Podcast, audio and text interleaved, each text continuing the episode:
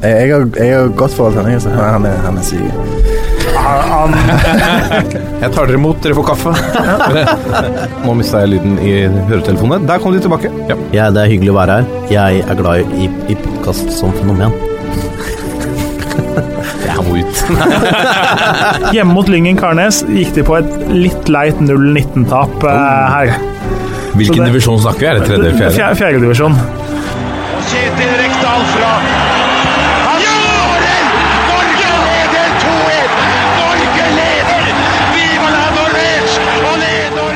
Og der er uh, toppfotball uh, tilbake igjen. Uh, norsk fotball er i gang for alvor, men det er fortsatt noen ligaer som gjenstår, og det skal vi se nærmere på i denne sendingen, blant annet. Og da er det veldig gledelig å se ditt fjes, Jørgen Kjernås. Jo, bare hyggelig for fjeset mitt å kunne være her. sier. Ja, ikke sant? Eh, Henger stort sett sammen med resten av kroppen, så når jeg bestemte meg for å gå hit, så fulgte det med. fjeset ble med deg. Uh, stemmen din enda viktigere enn denne, i denne sammenhengen, da, skal, skal, må vite. Jo, den henger jo også sammen med ansiktet eller et eller annet sånt, tror jeg. Ikke sant? Sov, dårlig, sov mye i naturfagtimen, så jeg er ikke helt sikker, men eh, et eller annet sted fra ansiktet kommer det lyd. Ja, vi gleder oss til å dykke ned i, i PostNord avdeling 1 og 2 og hele tredjevisjon litt senere. Og der er du, Lasse Wangstein. Der var jeg. Trofast.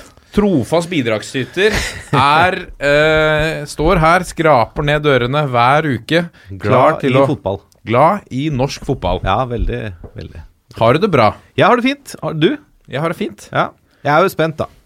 Ja. For det, det, dette må vi jo kanskje bare legge, legge under teppet med en gang. Eller fortelle med en gang. Vi eh, spiller jo inn onsdag ettermiddag, ja. Så vi kommer ikke til å snakke veldig mye om de to eh, eh, kampene som er flytta fram pga. e-cupspill mellom da Brann og Kristiansund og Molde og Vålerenga. Det er riktig. Som spiller som en times tid. Uh, ei heller i previewen, som kommer i neste episode denne uken her, hvor vi skal se inn mot neste fulle eliteserierunde. Ja. Så, men sånn er det. Sånn er det. Jeg gleder meg til å snakke fotball for det, altså. Det er nok å snakke om, si. Ja, du har det bra? Jeg har, eh, Globetrotteren vår, du som bare er ute og reiser utlandet. Vært en liten tur nede i Deutschland der, da. Ja. Uh, fikk jeg ikke sett noe, noe fotball. Uh, fikk snike til meg å se litt norsk ball på, på mobilen. Ja. Eh, på toaletter og over et par pils og Jeg må bare på, do, og så blir borte i ti minutter. Var lenge borte der en periode, altså. Ja, Dårlig magen, si. Litt dårlig i magen. Vi har, eh, vi har jo begynt en liten sånn eh, Jeg vet ikke om den eh, Det gjenstår å se om denne har livets rett. Denne spalten Ukens tulipan-kaktus. Ja. Uh, og denne uka så har du litt å dele ut, Lasse. Ja, denne uka her òg, si. Ja. For du byr, du byr på ting. Ja, ja, ja det syns jeg. Uh, skal vi begynne med kaktus, eller skal vi begynne, begynne på bånn? Ja.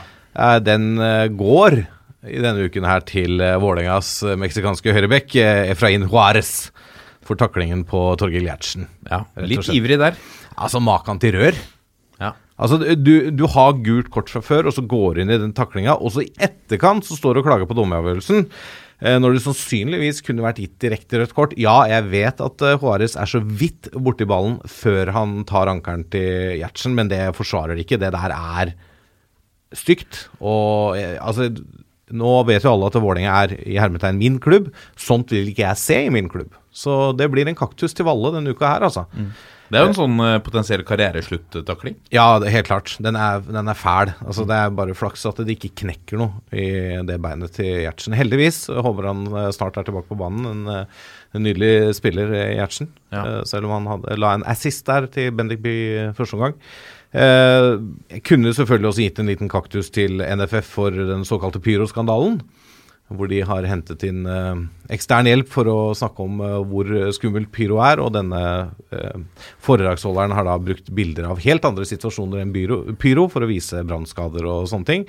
Eh, hvor NFF har prøvd å svare litt på Twitter, men jeg syns vel at eh, f.eks. kollegaene til vår venn eh, Joakim Bårdsen eller andre mediehus kanskje kunne sett litt på det. For jeg syns det er ganske stygt at NFF eh, bruker løgnaktige opplysninger for å på en måte Altså, Jeg syns pyro kan være gøy, men jeg ser også farene med det. Men da må vi i hvert fall spille med åpne kort. da. Ikke sant? Det virker som NFF prøver å få noen andre til å fortelle hvor fælt det er, så de slipper å si nei. på en måte, Sånn at eh, de skal skremme politi og brannvesen og helsevesen. Hente inn en budbringer. på en Ja, ikke sant. Den er ikke bra. Så, Og det, har, det var vel litt snakk om Jeg tror jeg leste en tweet, da, så jeg skal ikke gå 100% god for det. Mm. Eh, men at Haugesund f.eks. hadde da lagt ned forbud mot pyro i 2019 etter å ha vært på det foredraget her. ja. Så med andre ord så har det fått konsekvenser, da, dette, denne skremselspropagandaen.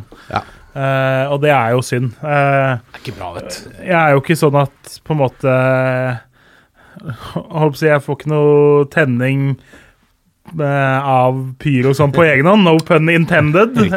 Litt pun intended. Ja. Men, men altså jeg, jeg er jo veldig for at på en måte supportere skal få ansvar på en måte under visse grenser, ja. så klart. Men, men man gjør det jo verre da, å være supporter. Og så er det litt sånn Når man forbyr ting under visse restriksjoner, så blir jo ikke konsekvensen at supporterne sier oi, nei, vi fikk ikke lov, så nå stopper vi. Da blir det heller at det kan bli ulovlig blussing, som jo er enda farligere, for da har man ikke noen sjekker og eh, folk som på en måte har tatt vurderinger på forhånd eh, på samme måte. Ja, så det kan på en måte være at skremselen gjør at det blir mer av den uforsiktige og ulovlige bruken isteden. Og så har Men man da en spiral gående. og- Hvordan skal de gjøre dette lovlig og i ryddige former? Hva sier altså- supporteralliansen? Altså, øh, nei, det har jeg ikke satt meg helt inn i, men i hvert fall av erfaring så er det jo litt sånn Altså, du kommer ganske langt med å snakke sammen. Altså supportergrupperinger, klubber, NFF. Eh, men da må man også snakke sammen på, på like vilkår og ha på en måte en åpen dialog, da. Eh, og sånne ting som det her forsurer et diskusjonsmiljø. Det her er forferdelig dårlig vurdert av NFF. Og det mener jeg at noen bør stilles til veggs for, på en måte. Den vurderingen som er gjort, for den er forferdelig dårlig. Men eh, eh, det har jo vært sånn at supportergrupperinger har tatt brannvernskurs og, og pyroteknikkurs og sånne ting for å kunne utføre eh, pyroshow på en forholdsvis trygg og god måte på stadion.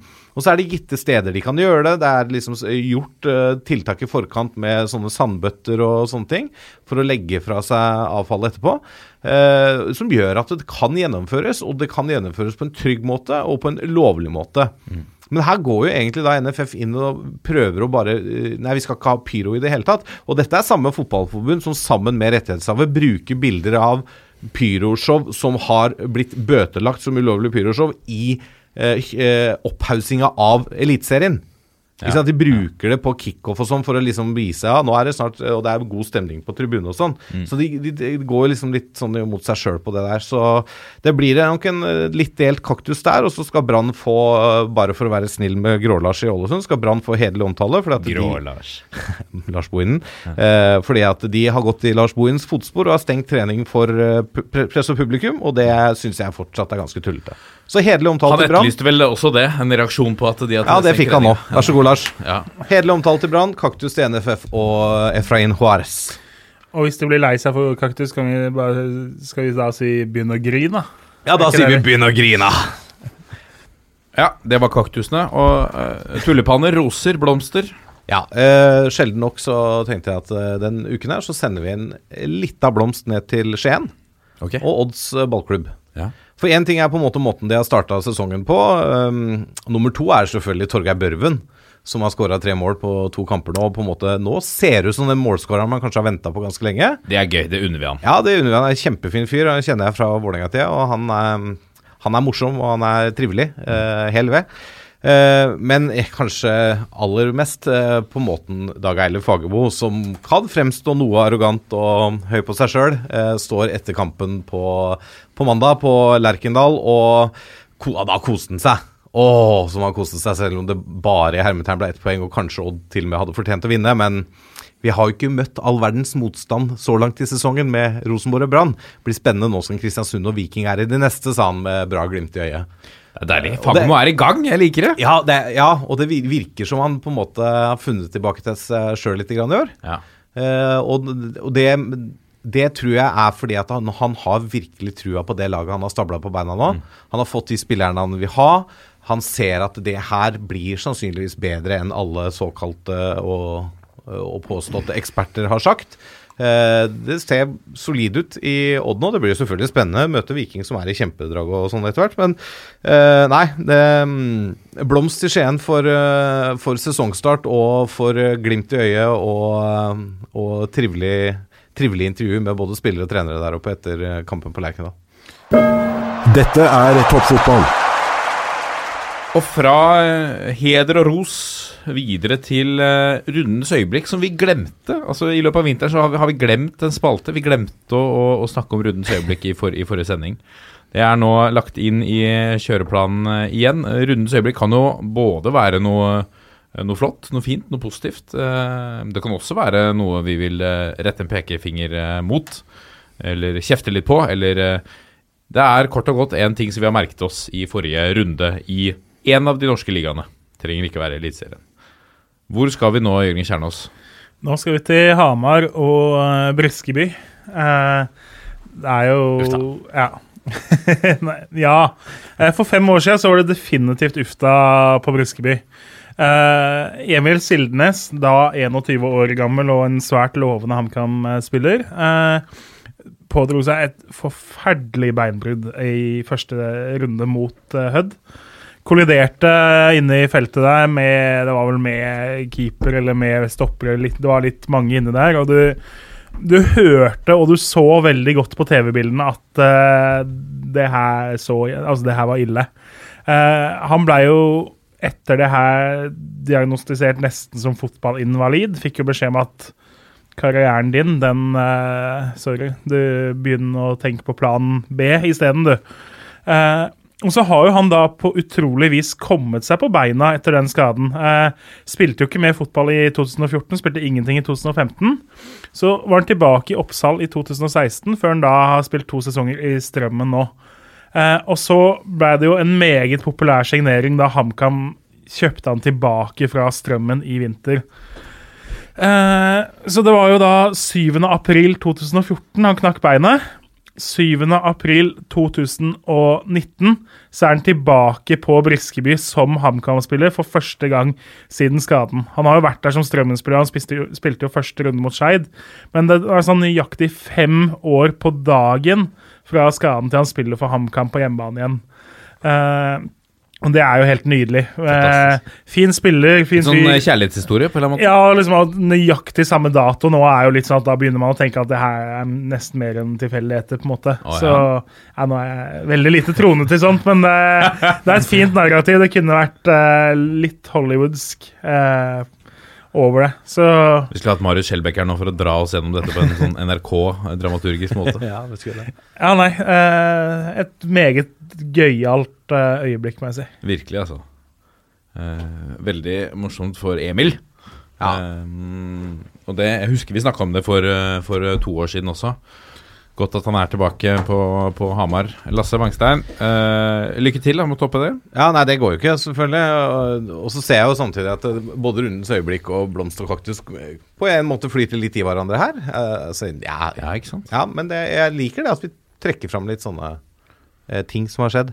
Eh, jeg syns det er natur, ikke naturlig nok, men jeg syns det er litt vanskelig å komme unna um, den første kampen i uh, Eliteseriens runde to.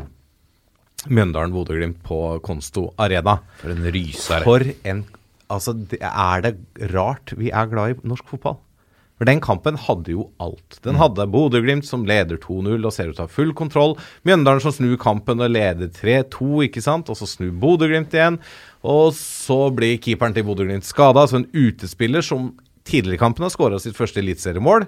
eh, må eh, i mål, og så skårer da Mjøndalen til 4-4. Det blir lagt i masse tid, og i kampens 101. minutt er det vel, så kommer altså Bodø-Glimt-produktet, 19-åringen Håkon Evjen, eh, på høyrekant, drar seg litt innover og limer ballen i lengste kryss. På, altså For en scoring! Og det er jo som Steffen Iversen alltid sa, det er alltid ledig i krysset, men herre skaper og avgjør kampen til 5-4 på den måten der. Eh, det blir jo ikke bedre eh, for Bodø-Glimt-supportere, selvfølgelig. Eh, selvfølgelig tungt å være Mjøndalen-spiller og supporter den lørdagen der, men du så jo hvordan eh, humør disse Bodø-Glimt-spillerne var etter kampen. At det her betydde mye og var noe helt, helt spesielt. Og det var jo så drøy scoring at selv Mjøndalen-spillerne måtte trekke litt på smilebåndet av det. For det, var, jo- det er jo det, kan jo fort hende at det der blir årets mål i Eliteserien. Altså, for maken. Også måten det, altså, måten det skjer på tidspunktet i kampen. At det avgjør kampen. Det er ikke bare et langskudd på 3-0. Ikke sant? Det, nei. Håkon Evjen, altså. Hatten av. Og eh, litt gøy å se Vi er jo blant de som har tippet at, eh, at Bodø-Glimt kommer til å slite i år. Litt gøy å se at de Altså, de spiller fin fotball, altså. Ja, det, nå er det jo altfor tidlig å trekke fram og si sånn at noen av oss hadde mer tro på dem. Fordi eh, det kommer til å snu veldig fort og trekke konklusjoner etter to runder er tidlig. Men de så veldig gode ut i vinter, så det er jo litt gøy for de av oss som bruker veldig mye tid på å se treningskamper, da, at uh, det er litt overføringsverdi til de første rundene. Eh, Glimt, som har sett uh, best ut i vinter og har best resultater, har åpna fantastisk, og Rosenborg, som har slitt, sliter med det samme som de gjorde i vinter. Så jeg kjente jo at en del timer brukt i januar, februar og mars har litt verdi sånn sett, da. Følte at du fikk betalt på en eller annen måte? Ja, på en måte. Ja. Og det Evjen er jo kjempespennende.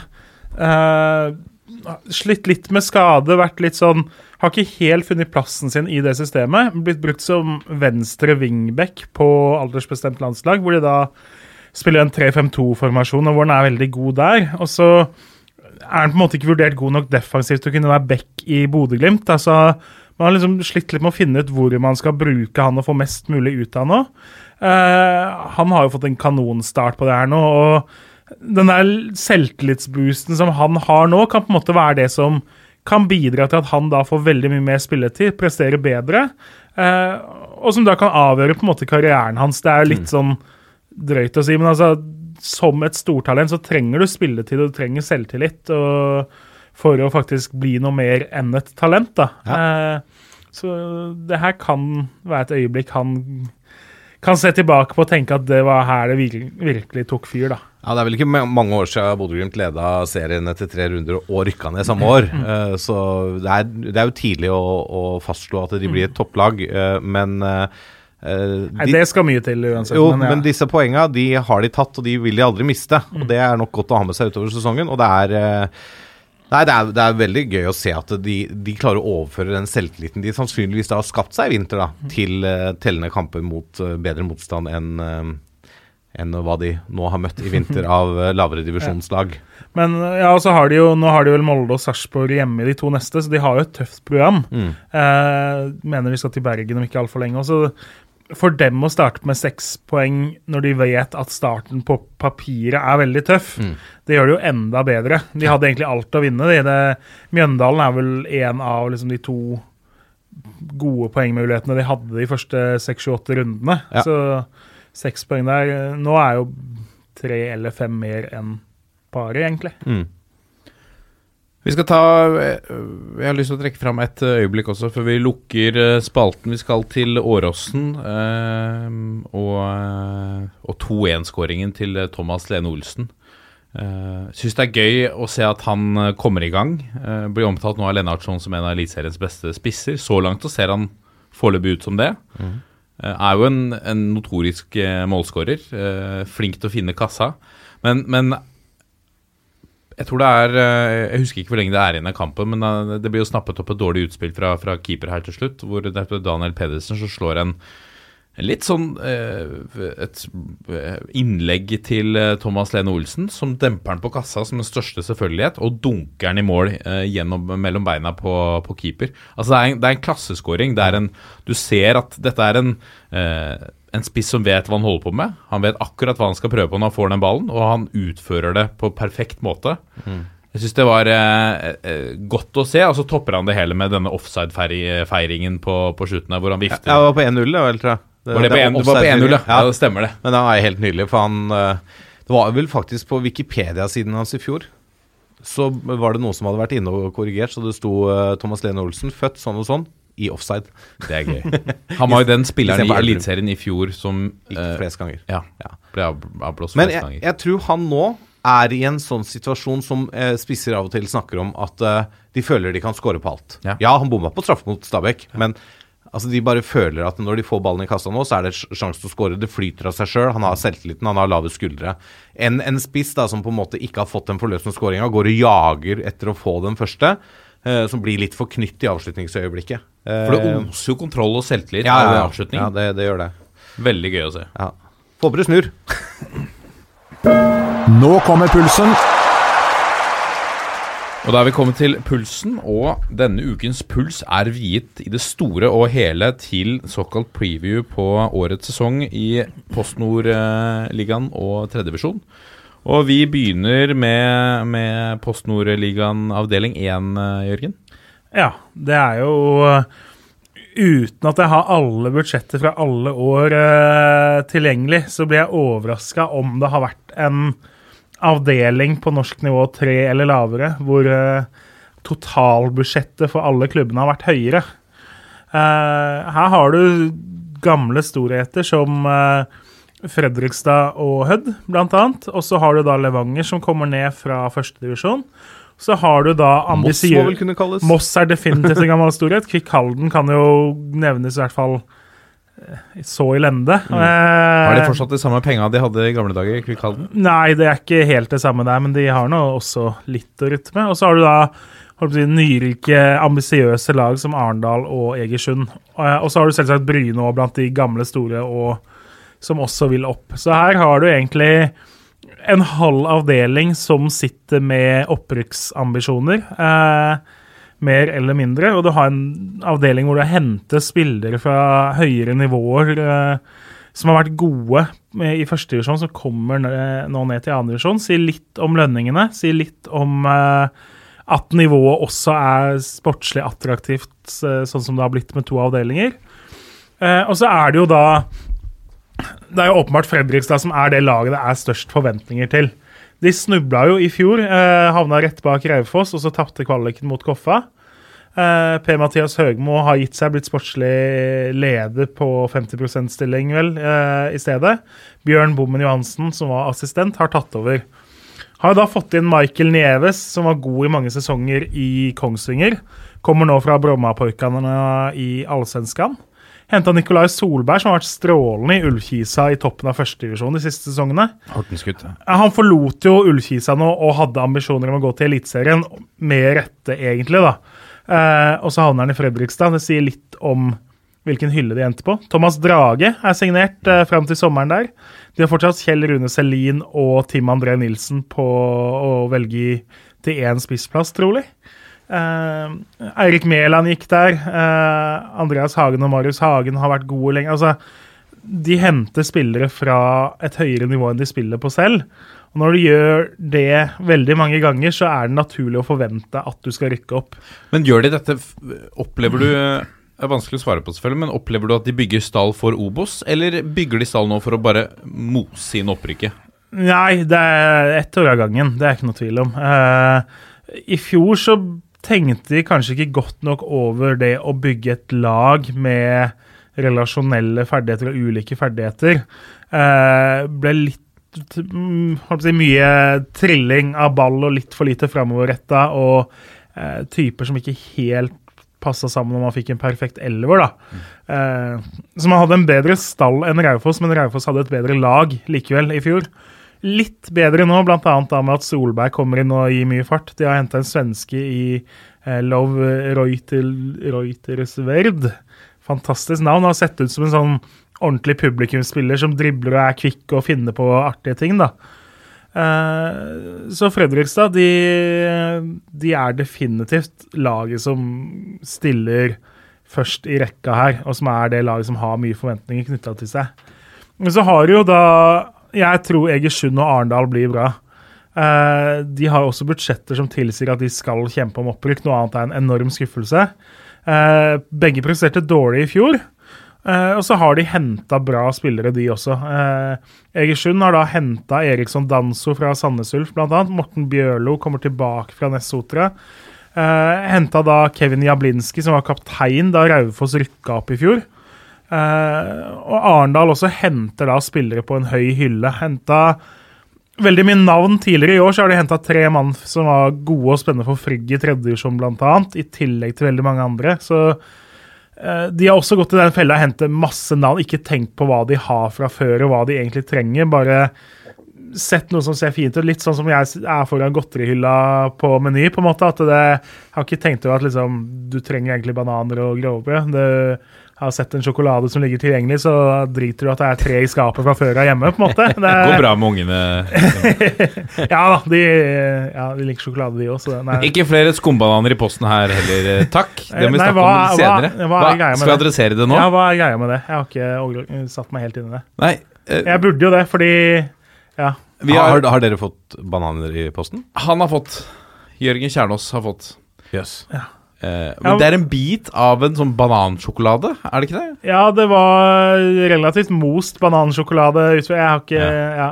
Og så står det På avsender så står det uh, Martin Ropstad. uh, og så er det skrevet Ser ut som det er et barn som har skrevet et eller annet. på det kortet. Ja. Men det er flere som har fått dette. Altså dette går uh, Og folk er redde for å kommentere, for folk ønsker ikke få skumbananer i posten. Nei, det var jo ikke sånn skumbanan. Ja, det var sånn der, Den er den der- den fra Twist, den der- er ja. ja, den der store gule, tror jeg. den der, Den som er bananforma Ja, ja, gul utapå, tror jeg det var. Og, og som da, akkurat den, så har jeg stått foran sjokoladehylla noen ganger, så jeg, akkurat der så Men det ble sendt hjem til deg. Det ble sendt hjem til meg. Ja. Jeg lurte på hva det var. Det lå en sånn stor konvolutt liksom, på kjøkkenbenken som kona hadde tatt inn. Så jeg, liksom, Fra Martin Ropstad. Ja da. Ropstad. Ja, da. Så jeg sendte jo en snap til Martin og, før jeg åpna, egentlig. Jeg mistenkte jo at det ikke var han som sendte ting, siden vi møtes stort sett på ukentlig basis. liksom, Så hadde du hatt noe til meg, så hadde jeg regna egentlig med at du tok det med hit isteden for å sende det i posten til meg. Liksom. Så Ja, og at han skriver navnet sitt feil. Da. Det, er, Ja. det er også ganske Litt pussig. ja, Ja, det er litt Det passer karakteren ganske bra, syns Ja, jeg. Men, eh, nei. Hvis noen der ute har et svar på denne gåten, så, så send oss det da på Twitter eller på mail toppfotballat451.no. De får en, skal de få et uh, toppfotballkrus. Kopp. Kaffekopp.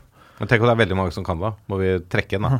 Ja, da, ja, hvis det er mange som kan svaret her, så Ja. må vi trekke det. Ja, ok. Ja, greit. Men vi, dette ønsker Bare for å ikke ruinere Vi må deg. i drive public oppkjøp. service her også. Ja, ja. Men tilbake til avdelinga, så har man jo eh, et lag som er veldig spennende, som jeg har tippa langt ned, da. Det er Hødd.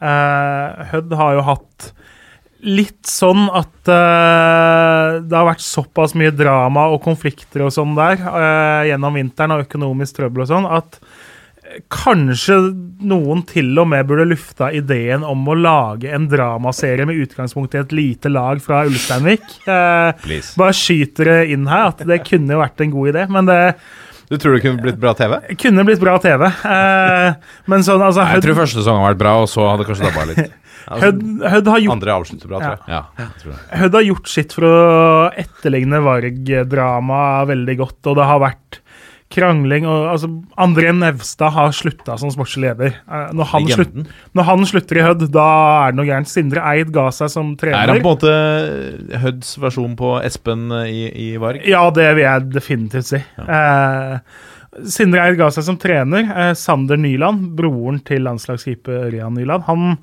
tok over midlertidig, og så fikk han da jobben permanent nå i slutten av mars. liksom Tre uker før seriestart fikk han jobben endelig. Så det, er, det har vært mye rart, og det har vært spilleflukt. Eh, måtte ta opp veldig mange unge spillere. Det høres jo ut som heimbane òg, det er det sjukeste. Liksom.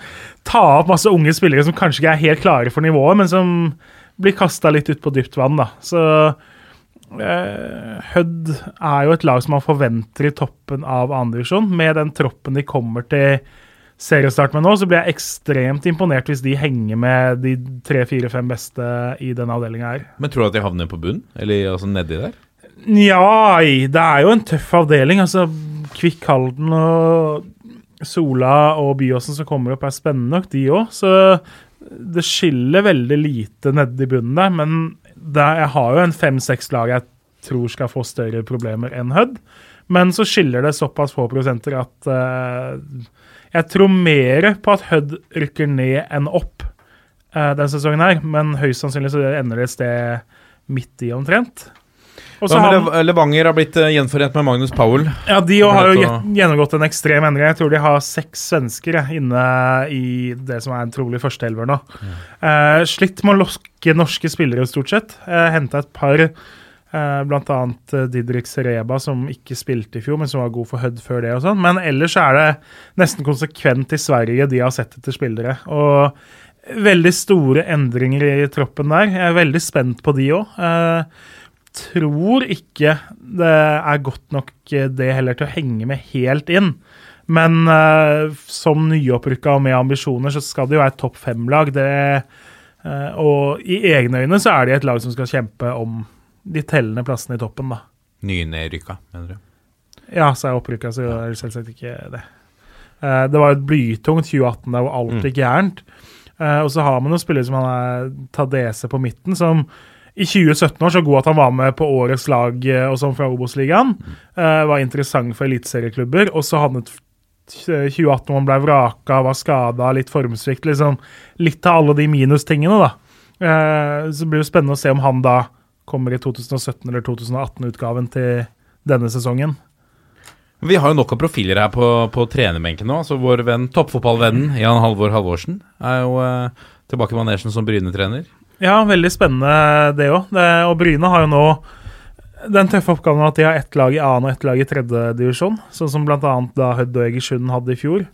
Eh, sikkert god trening for de unge på laga, men eh, krever mye av klubb og mange spillere som da er ett sted i landet på lørdag, et annet sted på søndag eller mandag for å sitte på benk og så spille kamp osv. Så, videre. så spent på hvordan de takler det. Eh, Henta noen spennende, mista en del viktige spillere også. Ser Altså, det, de er litt sånn som Levanger. Det ser bra ut, men Egersund, Arendal og Fredrikstad ser bedre ut. da. Eh, enda større bredde, enda litt bedre spillere i startoppstillinga osv. Så, så eh, for meg så er Bryne og Levanger da de to lagene som kan bryte opp den trioen. Jeg vet ikke om vi rekker å gå gjennom alle lagene i alle vi her, men, ikke- men jeg er interessert bare- litt om, eh, om eh, hvordan det står til i Moss. For der, det dekket vi litt i vinter, at det har vært litt krise der borte. Det var jo hele spillerstallen trua med å streike, og nå er Mario Jovic kommet inn etter at uh, toppfotballvennen Ole Martin Esselquist eh, eh, tok turen videre til Strømmen. Ja, det, alle forsvant jo ikke. Eh, beholdt det meste av spillerstallen, egentlig. Eh, noen som har sagt takk for seg, og så har bl.a. Thomas Clausen, som jo er en strålende spiller som kunne spilt høyere opp. Eh, I hvert fall tidlig i karrieren. Nå han jo, nå har han jo kommet til de 30-åra, så nå er han ikke så attraktiv lenger, da, men har vært i, Mol nei, i Moss i 10-11 sesonger nå.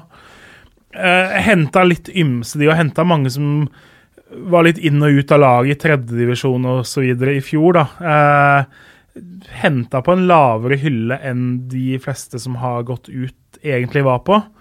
Eh, så er jo ikke fotballen alltid sånn at overgangsvinduet avgjør alt. liksom at, eh, Men på papiret, et lag som da ser litt svakere ut enn det de hadde i fjor. Eh, også et av de lagene som jeg tror potensielt kan få trøbbel, men sannsynligvis er de gode nok til at det ikke blir ordentlig ille, da. Eh, men jeg er ikke, jeg er ikke kjempeimponert over det de har henta inn. Også litt varierende resultater eh, i vinter, selv om den stort sett har vært positiv, da. Ja. Jeg bare Du nevnte trenerprofiler og tidligere toppspillere. Altså eh, Steinar Pedersen i Arendal, så har du Kent eh, Bergersen, Kvikk Halden. Eh, nevnte han Halvor, ja. Bjørn eh, Bommen i Hansen i Fredrikstad. Eh, Are Tronseth i Stjørdalsblink. Kristian Ja, han har gitt seg, men det Har han gitt seg nå? Ja da. Har de Han- fått, har de Har fått en ny? eh, Nei, de har henta tilbake han som var før det. Har researchavdelingen gjort dårlig jobb? Ikke Han- noe kritikk av kjøreplan her nå. Nei, han, han var jo uh, forventa å skulle ta over Levanger. Da Levanger hadde pressekonferansen sin, så hadde alle regna med at det var Are Tronseth som skulle komme inn i rommet og bli presentert. Og så var det Og så duk, dukka Magnus Powell opp. Og det var vel litt blant annet fordi Are Tronseth ville ha med seg eh, eh, flere ganger Levanger-spiller Vegard Wold som assistent. ja. Styret var ikke så keen på det etter at Wold da eh, kritiserte klubben som han da forlot i sommer. Ja. Eh, så det var en av årsakene. Og så har jo da i ettertid Vegard Wold nå kommet tilbake som spiller i Levanger, da. Eh, så Ja, sånn er det. For et drama. Nei, men Kristian Sørli trener Vidar. Og så har vi et par i avdeling to òg. Jan Derek Sørensen på benken i Bærum. Det er jo Ah, veldig gøy. Eh, Borussia Dortmund. Borussia Dortmund, blant annet. Eh, Lyn og Vålerenga, faktisk. Eh, og i Sotra, da. Tommy Knarvik. Leeds-legenden. Leeds. Man kan vel fikk han for Leeds? Nei, det vet jeg ikke. En håndfull? Men han var jo, han var jo en meget habil eliteseriespiller, eller tidligere-spiller i sin tid. Ja, ja, Fin ja. spiller, altså. Så det er jo gøy å se at det dukker opp noen navn som i hvert fall vi som begynner å bli litt opp i åra, husker som spillere, da. Ja, så Kevin Nicol var jo en bra midtbanespiller, han òg, som da trener ålreit, Asker. Ja. Eh, så det er jo mange. Eh, definitivt. Jan Derek er jo aktiv ennå. Han spilte da dypt på midten for Bærum 2-er nå denne uka. Ja, riktig. I, eh, det er vel fjerdedivisjon. Ikke kantspiller lenger, altså. Nei, riktig. Nei, så Kan vel ha mista noe fart. Jo, men altså, han eh, Jeg mener å huske at Vålerenga brukte han i noen sånn indreløpervarianter også en periode der, og han funka flere steder. Han spiss så. Ja. Kant og Fotballsmart. Fotballsmart type, vet du. Hvordan ser avdeling to ut, eh, Jørgen? Nei, den ser veldig mye mer åpen ut, syns jeg. Der hvor avdeling én er veldig sånn at du har tydelige topplag og lag du kan si med høy sannsynlighet at kommer på nedre halvdel, så har avdeling to til dels noen av de naturlige bunnlaga. Eh, Nyopprykka Senja, som da var veldig solide defensivt i fjor, rykka opp ved å slå Frigg i en seriefinale. Eh, er litt sånn at De har ikke forsterka seg veldig, har en ganske tynn stall. Eh, nivåforskjellen er ganske markant ennå. De kommer til å være nede der. Spent på Odd 2, som da har berga seg så vidt to år på rad. Eneste andre laget som er igjen på det nivået her. Eh, av andre lag som jeg tror kan havne nede i bunnen, Oppsal suste gjennom tredjedivisjon. Uh, veldig bra spisspar, bl.a. med tidligere Ørnspiss eh, Lasse Brandstad. Eh, Han er bra, altså. Skårer veldig mye mål. Men er han god nok for dette nivået? Ja, jeg vil tro det. Eh, så jeg er veldig sans for spissmakkeren eh, Christian Bjørseth òg, som er veldig mye mer bevegelig. da. Eh, som gjør at eh, Lasse kan være litt mer inne i feltet og være der hvor han liker seg, der hvor han er god. da. Ja. Så de, de, de passer sammen. Ja. Eh, veldig mange som har vært med veldig lenge i det Oppsal-laget. Eh, rykka ned da avdelingene gikk fra fire til to eh, for tre år siden. Eh, har en trener som da har trent mange av gutta som juniorer osv. Så, videre. eh, på å si en bydelsklubb på dette nivået, det er jo færre og færre av de, så jeg syns det er koselig å ha sånne lag oppe. Uh, Mjølner hadde en ekstremt god sesong i fjor. Da kjempa de egentlig om kvalik og opprykk eh, nesten til siste slutt. Alt klaffa da, og så har de mista Trener Stian Johnsen har gitt seg, de har mista flere nøkkelspillere. Eh, slitt eh, med en veldig tynn stall eh, gjennom det meste av vinteren. Eh, Henta da Håvard Hatle som trener. Han tok Sogndals juniorlag til NM-gull i høst. Eh, som jo er imponerende. De slo Rosenborg i finalen, men da hadde han Akur Jerome Adams på topp. Det har du ikke i Mjølner, da. Eh, så spennende å se. Jeg tror de får, eller de får seg nedtur i år, men hvor stor den nedturen blir, blir spennende å se. Så har vi jo da Fram Larvik, som vi har snakka om enkelte ganger uh, det siste Klarer de å stille lag nå, da? Der nede? Nå klarer de å stille lag. De har henta Roger Iversen som trener, fra nabo Halsen. Ja. Uh, Han har gjort en veldig god jobb med veldig unge spillere i tredjedivisjon. Nå har han en veldig ung tropp i Fram, òg. jeg tror den er litt for ung, jeg da, men det eh, liker den strategien at før så har de ofte henta spillere som kommer for å tjene godt i en sesong og dra videre og sånn. Men i fjor var de også for unge. Ja, da var de veldig unge, men nå, nå har de henta en del spillere som eh, har vært unge og lovende i start. Eh, det gjorde de i fjor òg. Henta fra Godset eh, en på lån. Henta flere fra Sandefjord som ikke har klart å ta steget til A-lag der, da, men som er da treningsvillige og ambisiøse, og som syns annendivisjon er et veldig fint sted å være på dette stadiet av karrieren. da. Og det er mye bedre og enklere å jobbe med sånne spillere enn de som egentlig føler seg for gode til å være der og for kule og for flinke, da. Og som kun er der fordi de har betalt enkelte spillere ganske godt tidligere. Ja. Uh, så det er det. Og så er det hvem som er topplagene der. Det er et veldig mye mer åpent spørsmål. Jeg har Åsane på topp i mitt tabelltips uh, etter nedrykket. Nå har jo da Mons Ivar Mjelde fikk jo ikke fortsette. Henta da Morten Røsland, som trente Arna-Bjørnar sitt damelag. Eh, han er nå tilbake og tar over dem. Har da henta Henrik Udal, eh, som vel eh, Ja, som jo vi Kåret årets dang i fjor. våre lyttere kåra, Ja, eller sånn for å være helt presise. Ja. Eh, som jo da ble toppskårer i de fire øverste divisjonene for Fana i tredje divisjon i fjor. Spennende å se han her. Og så har de også henta et par bra fra Fyllingsdalen, bl.a. Kristoffer Walsvik, som er en fantastisk midtbanespiller, og broren til Gustav eh, Walsvik. Eh, ellers også beholdt ganske mange av de som har vært gode. Henta hjem Eirik Vollen Steen fra Bodø-Glimt. Han var jo en strålende stopper i førstedivisjon. Eh, så når han da skal spille annendivisjon, så bør han jo være ekstra strålende, på en måte. Eh, beholdt såpass mye og henta såpass bra at de er for meg det laget jeg er sikker på skal være i toppen. Og så bak der så har du et kobbel med lag sånn som Asker, som da henter bl.a. Lars Fure og Kim André Madsen, men også har da ekstreme utskiftninger i stallen. da. Han har blitt spillende assistent der, Madsen. Kim André Madsen er spillende assistenttrener, så han er jo, han fyller jo 30 i løpet av året, så han har på en måte begynt å tenke på den delen av karrieren når han ikke bare skal være på banen. Ja. Eh, bør være oppi der. Elverum er holdt på å si, alltid gode. Mista toppskårer Jonas Enkerud til HamKam. Så, så er usikker på om de har på en måte målskårerne. De har Magnus Solum slukket til deg i høst, så de, de har mange mål å erstatte i Enkerud, da. Grorud har masse talent. De har eh, egentlig eh, tre spillere som fort spiller enten eh, U19-EM eller U20-VM i løpet av sommeren. Er Hadde egentlig fire, men uh, Strømsgodset utleide Magnus Dalby. Han pådro seg en kneskade. Jeg har sett Han så ut som den toppskåreren de ikke hadde i fjor, da. Eh, så med han ut, så kan det på en måte være den lille ekstra tingen som eh, skyver dem en plass eller to nedover. Nå har de bl.a. henta da Uh, Oliver Edvardsen, som er liten og kvikk, vært god i Vålerenga 2. Thomas Elsebutangen kommer fra samme klubb. Eh, Så De har på en måte gjort det til sin greie å hente de spillerne som har vært unge og lovende i spesielt Lillestrøm og Vålerenga, da, uten å nå opp der, og så foredle de videre. Eh, Så Hele Oslos Grorud. ja, men de har blitt eh, De har klart å profilere seg på å være gode med de her unge spillerne, da. Så De har blitt et sted hvor du vil være hvis du har kommet opp i og blitt 18-19-20 år. Opplevd at siste sesongen eller to sesongene har ikke gått sånn som du håpa i en storklubb. Du har ikke fått A-lagsplass. Da har Grorud blitt et kjempefint sted å være, som de vil være. Eh, Kjelsås har litt av samme greia. Eh, som da har Kjelsås har vel nå snart 20 sesonger på rad i 2. divisjon. Eh, som jo er imponerende i seg selv.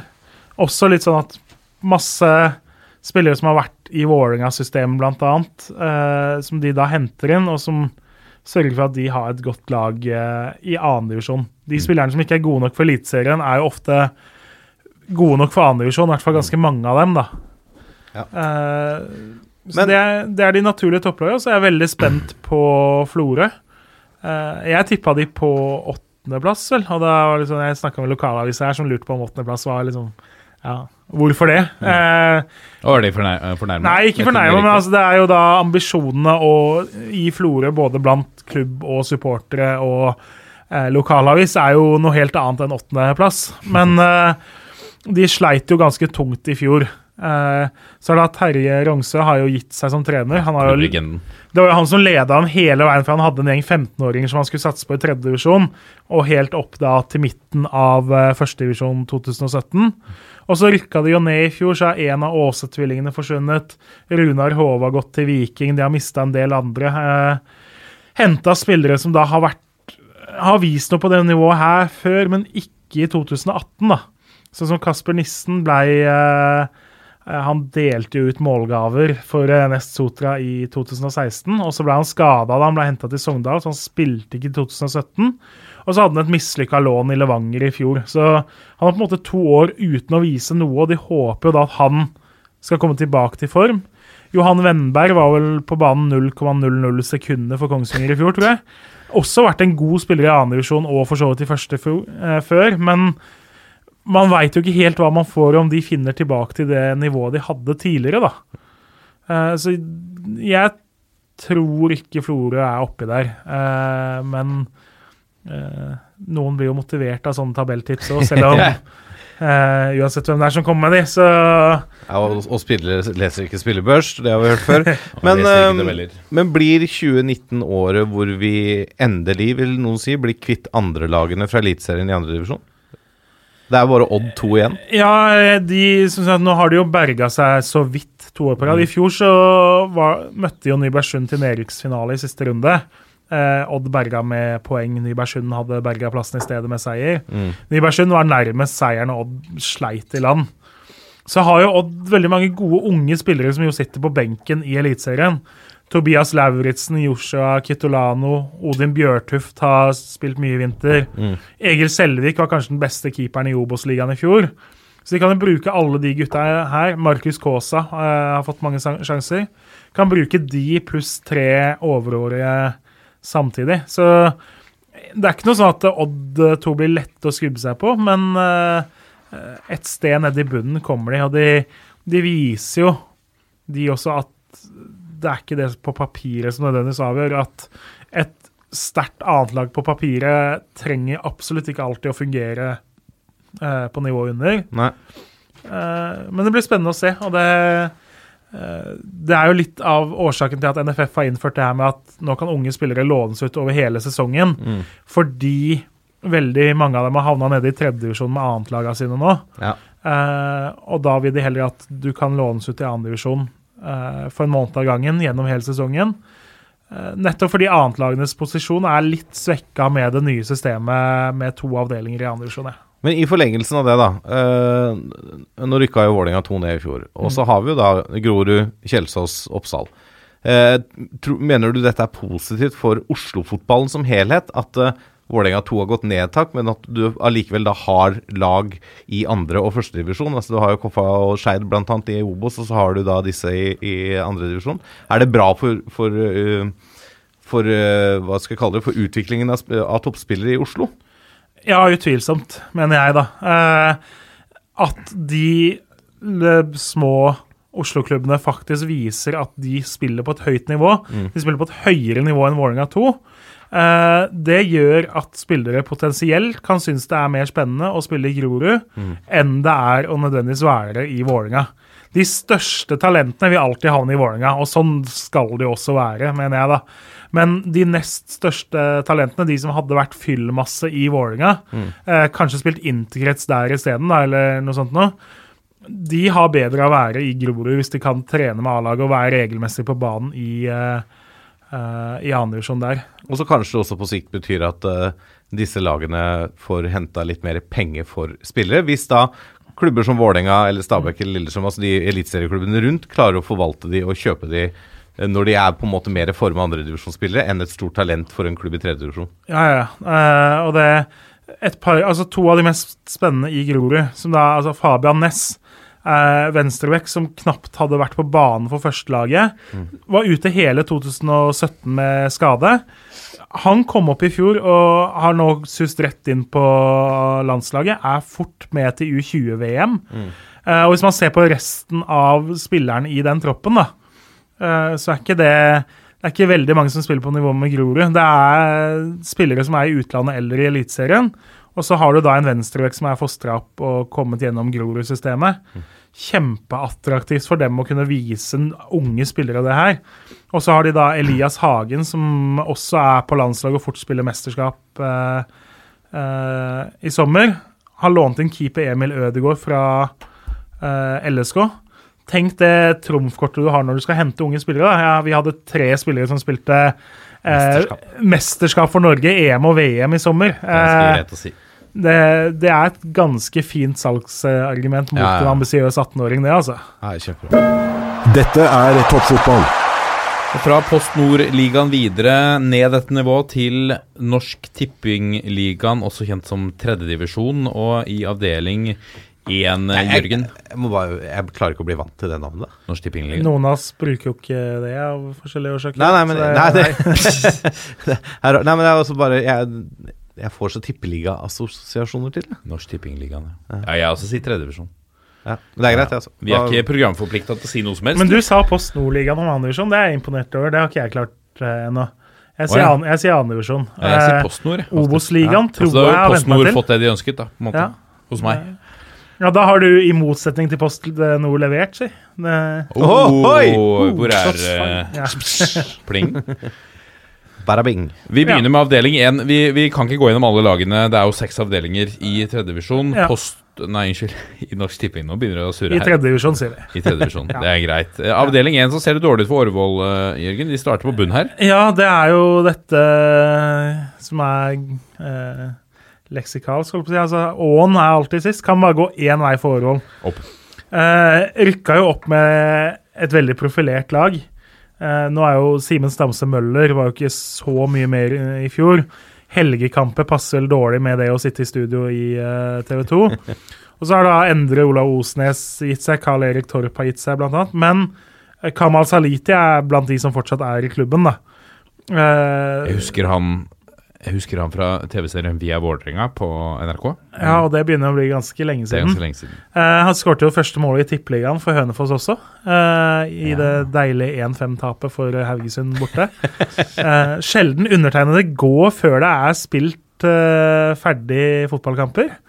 Da da, da, Da var det blytungt. Da var det nok. Eh, yes. Uh, Eidsvoll-turen snubla i fjor. Leda han nesten hele veien foran Kvikk Halden. Og så begynte de å spille en del uavgjort mot slutt, mens Kvikk vant og vant og vant. og vant. Så Kvikk Halden smatt forbi og avgjorde da i siste runde. Så Eidsvoll-turen har vært nære på flere ganger nå, men ikke klart det. I år så tror jeg de klarer det. Jeg har tippa dem på topp. Uh, de har mista en del spillere, mista en del mål i bl.a. Jonathan Teigland, som har gått til Eidsvoll IF.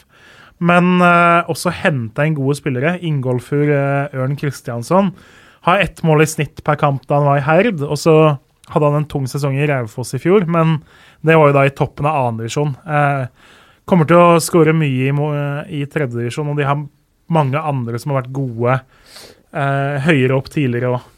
Eh, det som er mest utfordrende med den avdelinga her hos på, er at både Sarpsborg, Molde og Stabæk har eh, potensial til å være opprykkslag hvis de går inn for det. Eh, alle de har veldig mange gode unge spillere, eh, og da når de, hvis de kan supplere med tre, fire, fem mann fra A-stallen i de aller fleste kampene, så kommer de til å være topplag. Eh, men så er det jo sånn at en del ganger så spiller de dagen før eliteseriekamper, f.eks., eller de spiller i ferier og landslagspauser og sånn. Så jeg tror ingen av de kommer til å være stabile nok over 26 kamper, da. Men det av de tre lagene som går inn for å rykke opp, har ganske gode sjanser, da. Uten at jeg tror noen av dem vil det. Eh, ellers så har man da Lørenskog, som alltid er topplag, og som kommer til å være med opp i toppen. Og Spjelkavik, som er forsterka. Eh, Henta en del bra i sommer og gjorde et byks da. Altså, de var to forskjellige lag på våren og høsten, og så har de henta bl.a. tre stykker fra Brattvåg i andre divisjon i vinter. Så de er også en potensiell joker oppe i toppen der. Ja. Skal vi eh, rase videre til avdeling to? Ja, det er vel eh, kanskje den sterkeste avdelinga, i hvert fall i toppen. Altfor Eh, alt for sterk, den avdelinga der. Uh, Vålerenga 2 er jo det laget som kommer ned. Jeg har tippa Vålerenga 2 på topp. Eh, jeg tror de vil ha opp laget sitt, litt pga. det vi snakka om med Grorud og Kjelsås og sånn nå. At eh, de har lyst til å være så attraktive de kan for unge spillere i eh, østlandsregionen. Eh, og da er det et godt trumfkort for dem å ha annetlaget sitt oppe i andredivisjon. Uh, det er vanskelig å lokke en spiller fra Kjelsås eller Grorud som da spiller andredivisjon og si at hei, du kan spille tredjedivisjon hos oss. Eh, og de har jo en del unge spillere som eh, altså, Da tenker jeg ikke sånn altså Ivan Nesberg, Markus Nakkim, eh, Aron Dønnum kommer sikkert til å spille mye, de òg. Men så har du da Sander Wernie som skåret 13 mål i andredivisjon i fjor. Eh, fantastisk målsnitt og eh, en spiller som Det er ikke så lett å si liksom, det her er han god på. Eh, Men han er veldig god til å skåre mål, da. og det er jo det fineste en eh, angrepsspiller kan ha. Eh, også veldig mange da på landslag, eh, spesielt 2002-2003-årgangen, har masse spennende spillere. Odin Tiago, får vi se han i Ja, han, er jo, han er jo lånt ut nå eh, til Tille mens han fullfører ungdomsskolen. Ja. Eh, Kommer til sommeren, eller? kommer til sommeren, kommer helt sikkert til å spille mye. Eh, og så har de da bl.a. Fredrik Oppegård og midtstopper Brage Skaret, som er 2002-modeller. Eh, de kommer til å bli veldig gode fotballspillere, de òg. Kristoffer Claesson i mål. Kristoffer Claesson er jo en strålende keeper på dette nivået. Mm. Uh, og så har du da Oppsal-brødrene, altså ikke fra Oppsal, men som heter Oppsal. Zakarias sitter på benken bort mot Molde as we speak. Eh, både han og broren Opp, eh, Oskar er, kommer til å være topp, topp tredjedivisjonsspillere. Men så er det jo et kobbel av andre lag som er naturlige topplag her. da. Det mest åpenbare er selvsagt Lyn, eh, som nå Ja, Hva skal de opp i år? jeg skal de opp i år. Nå, I går så satt jeg i, eh, hos Jeg satt i samme studio, satt i stolen til Lasse akkurat nå, el- og snakka om Lyn i Lyns eh, Vestkanttribunalet? Yes. Eh, og der har jeg vært eh, de to foregående sesongene og, og sagt at Lyn er den klare favoritten når Lyn rykker opp. Det har de jo ikke klart. Eh, I går så satt jeg og sa at jeg tror ikke Lyn rykker opp, så det kan jo hende at de gjør det motsatte av det jeg spår igjen. Men de har mista veldig mange nøkkelspillere, bl.a. Anwar Pellegrino. Pellegrino. Går i storebrors fotst, eh, fotsteg? Fotskritt? Fotspor? Fotspor, ja. Fotspor, ja. Fotskritt og Han tar store steg og går i brorens fotspor. Store sko å fylle der, altså. Broren slo igjennom i Bærum. Nå er det lillebror som har gått i samme klubb. Eh, og så har de også litt sånn Anders Lybekk har vært eh, ganske markant. Han har blitt assistenttrener i Koffa, blant annet. Kristoffer Simonsen har slitt med skade, så han er uvis. uviss. Fadel Karbon har vært en publikumshelt. Ingen vet helt hva som skjer med han. Han har ikke no fått noen ny kontrakt eh, hvor han havner. Så de, de har mista mye offensiv skyts. Og så har de jo da eh, fortsatt sånn at det, det er jo mulig å signere spillere på amatørkontrakter selv om overgangsvinduet er stengt. Det er ikke nødvendigvis sånn at den stallen Lyn åpner sesongen med, er den samme som den er om en måned. da. De kommer jo helt sikkert til å lete videre etter signeringer. Eh, Kjø- Kjøregodtgjørelse. Bent Inge Johnsen har tatt over som trener etter å ha leda Gjelleråsen de siste sesongene. Så Lyn skal jo være oppi der, men akkurat nå så ser det ikke ut som noe favoritt, sånn som det har gjort de to siste årene. Og så Ørn Horten blir du vel glad hvis jeg nevner, Martin? Jeg vet hva du syns selv. Topp tre? Ja, jeg har de, jeg har de på annenplass, mener jeg å huske. Ja. Eh, Hvorfor det, Jørgen? Hvorfor det? Nå, Nei, da nå, nå ble ble jeg borte. Ja da. Eh, nei, altså, de har jo beholdt de ganske mange av de de ønska å beholde. Blant annet av keeper Miguel Vieira. Som er kanskje topp tre av keeperne på dette nivået? Ja, det er nok helt sikkert. Eh, har jo da fått hjem Alen Patrios, blant annet, etter ett år vel i Eik Tønsberg. Mm.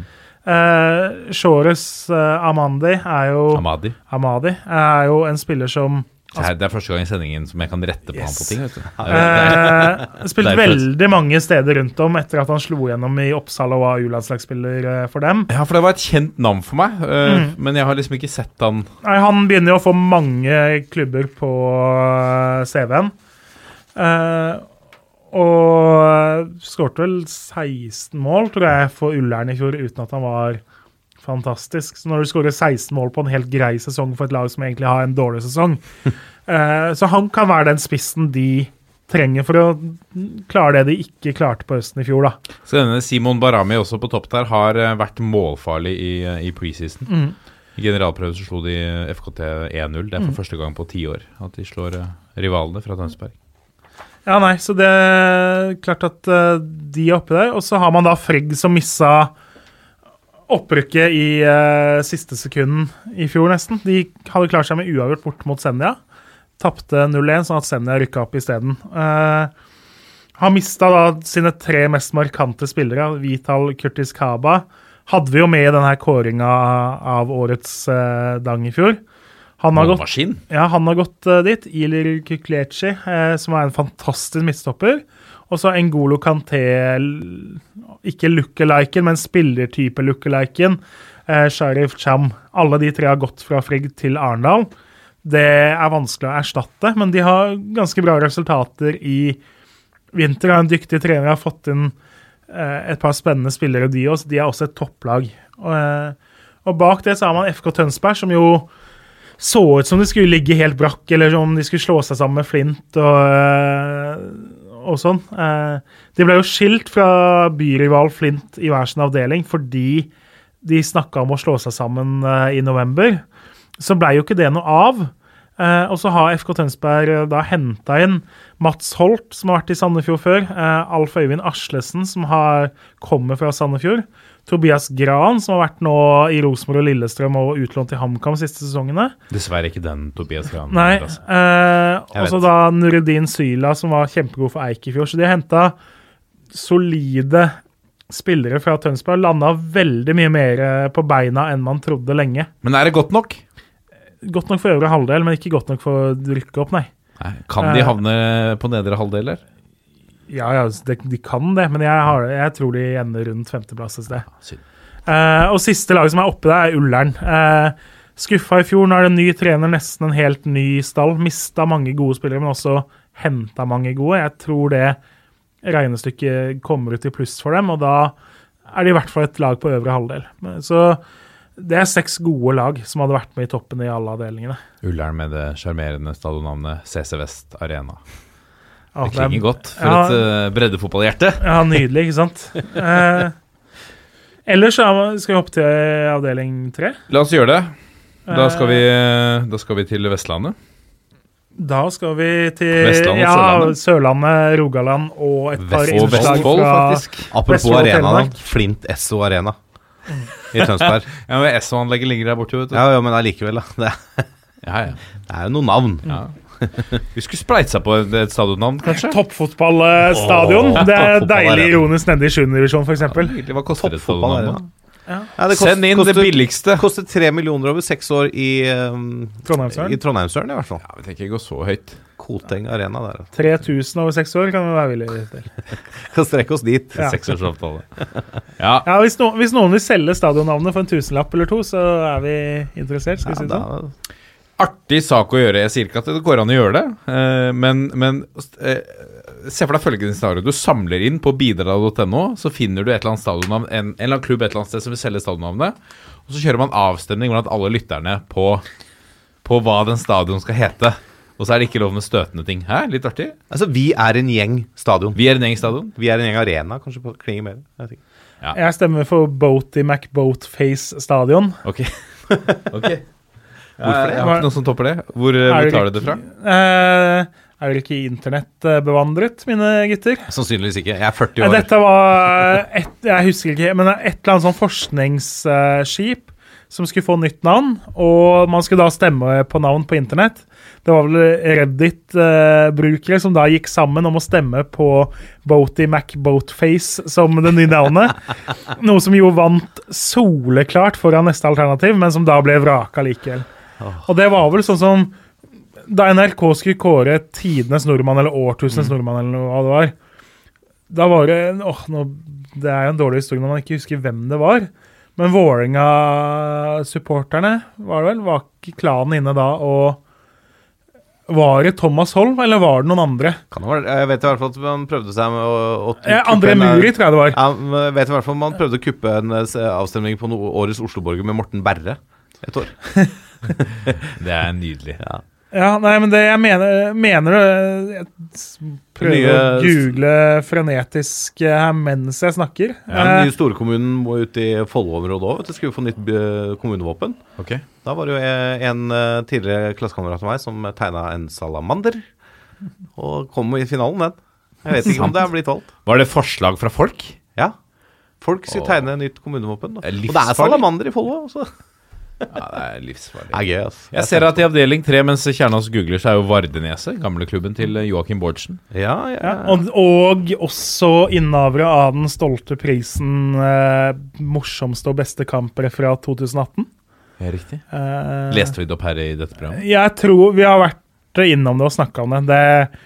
Jeg håper jo at de fortsetter i samme stil, for det er skrevet godt, og det er skrevet morsomt. Eh, og det er skrevet på en måte som får Vardenes til å framstå litt som den lugne klubben de er, som ikke nødvendigvis syns at tre poeng på lørdagen er død og liv, sånn som ganske mange andre klubber på det nivået her ynder seg å synes. da. Eh, for mange så er tredjevisjon og opprykk det er sykt viktig, eh, selv om det er tredjevisjon. Mens Vardenes er litt mer sånn bohemaktig og liker å på en måte omtrent garantere at du får kink i nakken hvis du har sett 90 minutter med dem. og litt sånn, så Eh, Mens eh, Siste avspørring før vi tar av- avdeling tre. Et annet tips til eh, kampreferat, også nevnt i dette programmet tidligere. Merkantil sine Ja. skrevet på gammelnorsk fra det året det ble stifta. Mm. Der de har tatt den språkbruken og bruker det i, uh, i sin fotballklubb, som de ja, kaller det. helt nydelig. Ja, det uh, kan vi anbefale på Facebook. Merkantil. Vi tar avdeling tre. Uh, Kjernos, her jeg har uh, akkurat sittet og skrevet meg ferdig om den i dag, jeg, da. Mm. Uh, og ment litt om det på Sportshjørnet. Og da endte jeg opp med å påstå at Fløy kommer til å vinne ganske klart. Ja. Uh, rykka jo ned da i siste serierunde i fjor. Eh, hadde matchballen eh, selv, men tapte for Skeid samtidig som Stjørdalsblink vant og da gikk forbi på bedre målforskjell. Eh, har mista en del spillere. Jon Olav Norheim til Strømmen, Torje Vikne til uh, Jerv, annet. Men så har de henta to gode kroater. De har henta to fra Arendal. Uh, de har Dardan Dreshaj, som potensielt skårer 30 mål på det nivået her. Det er også et kjent navn. Ja, han har skåra mye for mange de siste årene, både i annen og tredje. Sleit i fjor, da. Både han og tidligere startspiss Lasse Sig- Sigurdsen de skårte tre mål til sammen i fjor. Eh, bør egentlig, hvis de finner gammel form, skåre 50 til sammen, mener jeg, på det nivået her. Ja. Uh, så uh, de ser sterke ut. Og så har du da Vindbjart, som har Øyvind Gausdal er tilbake fra, si, fra Still going strong. Han la jo opp i fjor, vel? Ja, men han var tilbake og spilte tolv kamper og skårte like mange mål. Eh, fleste flest av dem da på høsten. Så Vindbjart gikk fra å ta ett poeng i snitt til å ta to poeng i snitt, omtrent da han kom tilbake. Eh, veldig lett å dra en sammenheng der, for å si det sånn. Det er jo en av norsk fotballs fremste målskårere dette årtusenet. Og en spiller det ikke er veldig gøy å møte. Men så har jeg sett da Han spilte midtstopper i oppkjøringa. Det er litt sånn Det er jo litt fordi de da har flere alternativer som er gode framover på banen enn på stoppeplass, men likevel Nei, han må spille på topp. Han må få lov til å pøse inn de måla. Det er, det Tenker de med der borte? du skal ha du du Jon skal- Carew på, på du skal være veldig tynn på stoppeplass og veldig godt besatt på spissplass for å velge det, da. Mm. Men de er fremste utfordrere i mine øyne. Og så er da både Madla og nyopprykka Flint blant annet har forsterka seg veldig i løpet av vinteren og bør være med på øvre halvdel. De rasler litt med pengene der borte, Flint, på Flint SV Arena. Flint har hyppig si, altså Det har vært mye spillere inn og ut de siste årene, det har det. Men nå henta bl.a. Shabawon Shamo Hamad, som har åtte eliteseriekamper de to siste sesongene i Sandefjord. Eh, og flere andre gode. Så de ser ut som et godt opprykkslag. Og så kommer da Mandalskameratene kommer opp, og det er en syk variant, syns jeg, da. Fordi de lå sånn midt i ingenmannsland i en veldig jevn fjerdedivisjonsavdeling eh, i fjor. Fant ut at her er det muligheter. Hva gjør vi? Vi har masse 18-19-20-åringer. Vi ringer alle de gamle gutta og hører om de har lyst til å være med igjen. Så Tor Olve Fagnastøl, det er jo et navn som eh, de som har fulgt med de siste ti årene, kjenner igjen. Eh, han var Hva kjenner du, Lasse? Jeg har hørt navnet. Inge Nilsen også, Ja. og et par eh, andre eh, som er oppe i 40-åra. Altså, de gutta her er over 40 alle mann. Og så henter de da Vegard Landås, som ble Monaco-proff, eh, og så har han da rota rundt eh, lenger ned i divisjonen og så spilt mindre og mindre fotball. Litt sånn Adrian Austnes-aktig. Ja, men altså, ja, enda mer ekstremt, ja. Eh, alle de gutta kom liksom tilbake i fjor og sørga da for at de gikk fra å være midt på til å vinne en veldig jevn eh, og kanskje ikke altfor sterk fjerdedivisjonsavdeling. Hamra, gjorde han comeback, eller?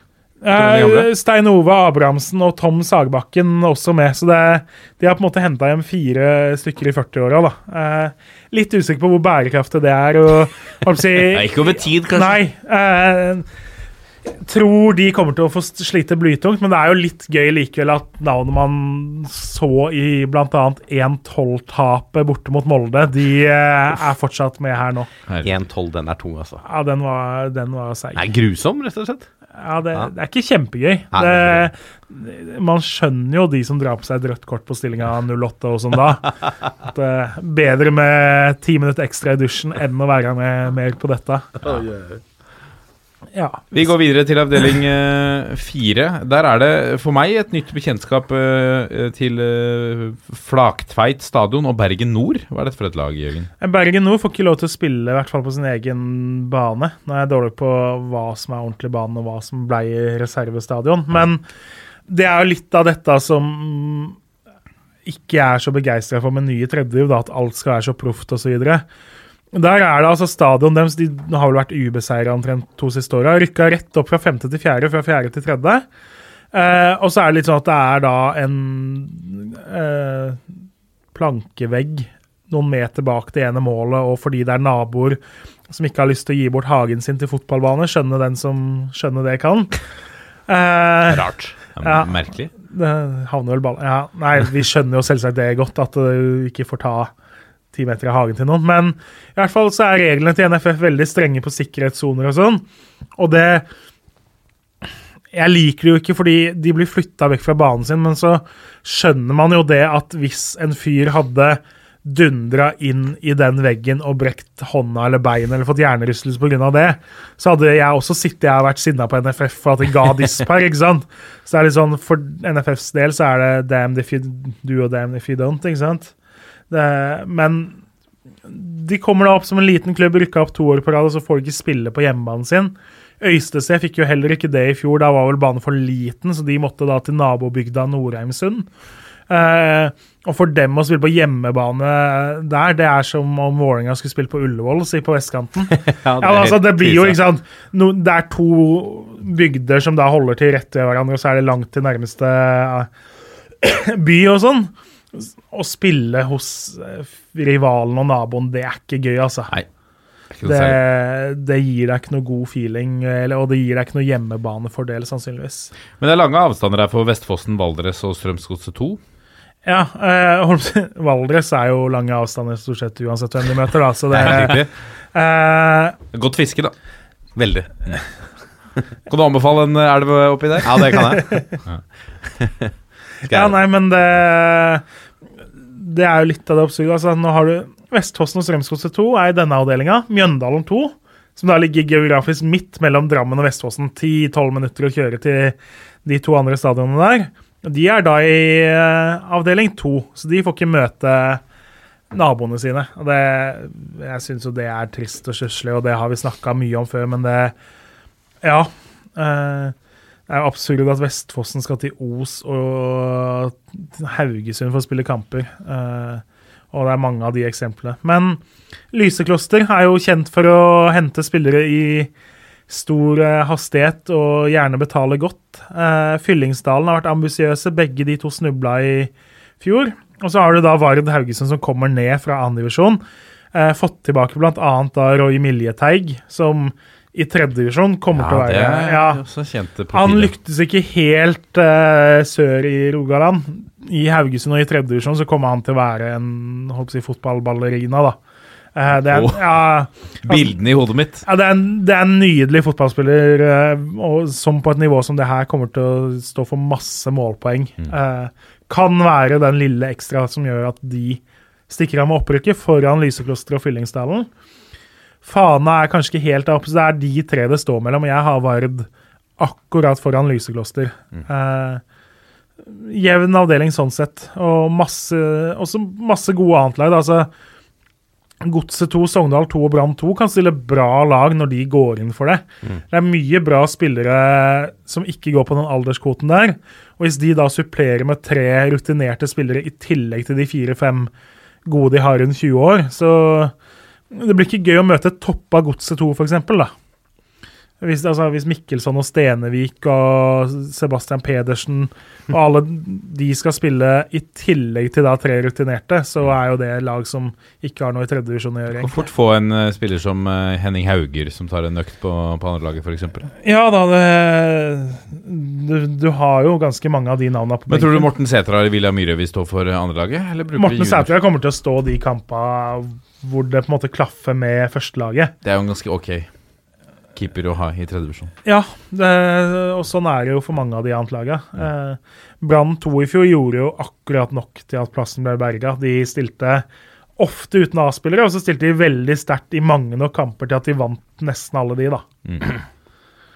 Eh, og det kan man jo mene mye om, men sånn er det nå en gang per 2019, og da man får ikke gjort så mye med det akkurat nå. Nei.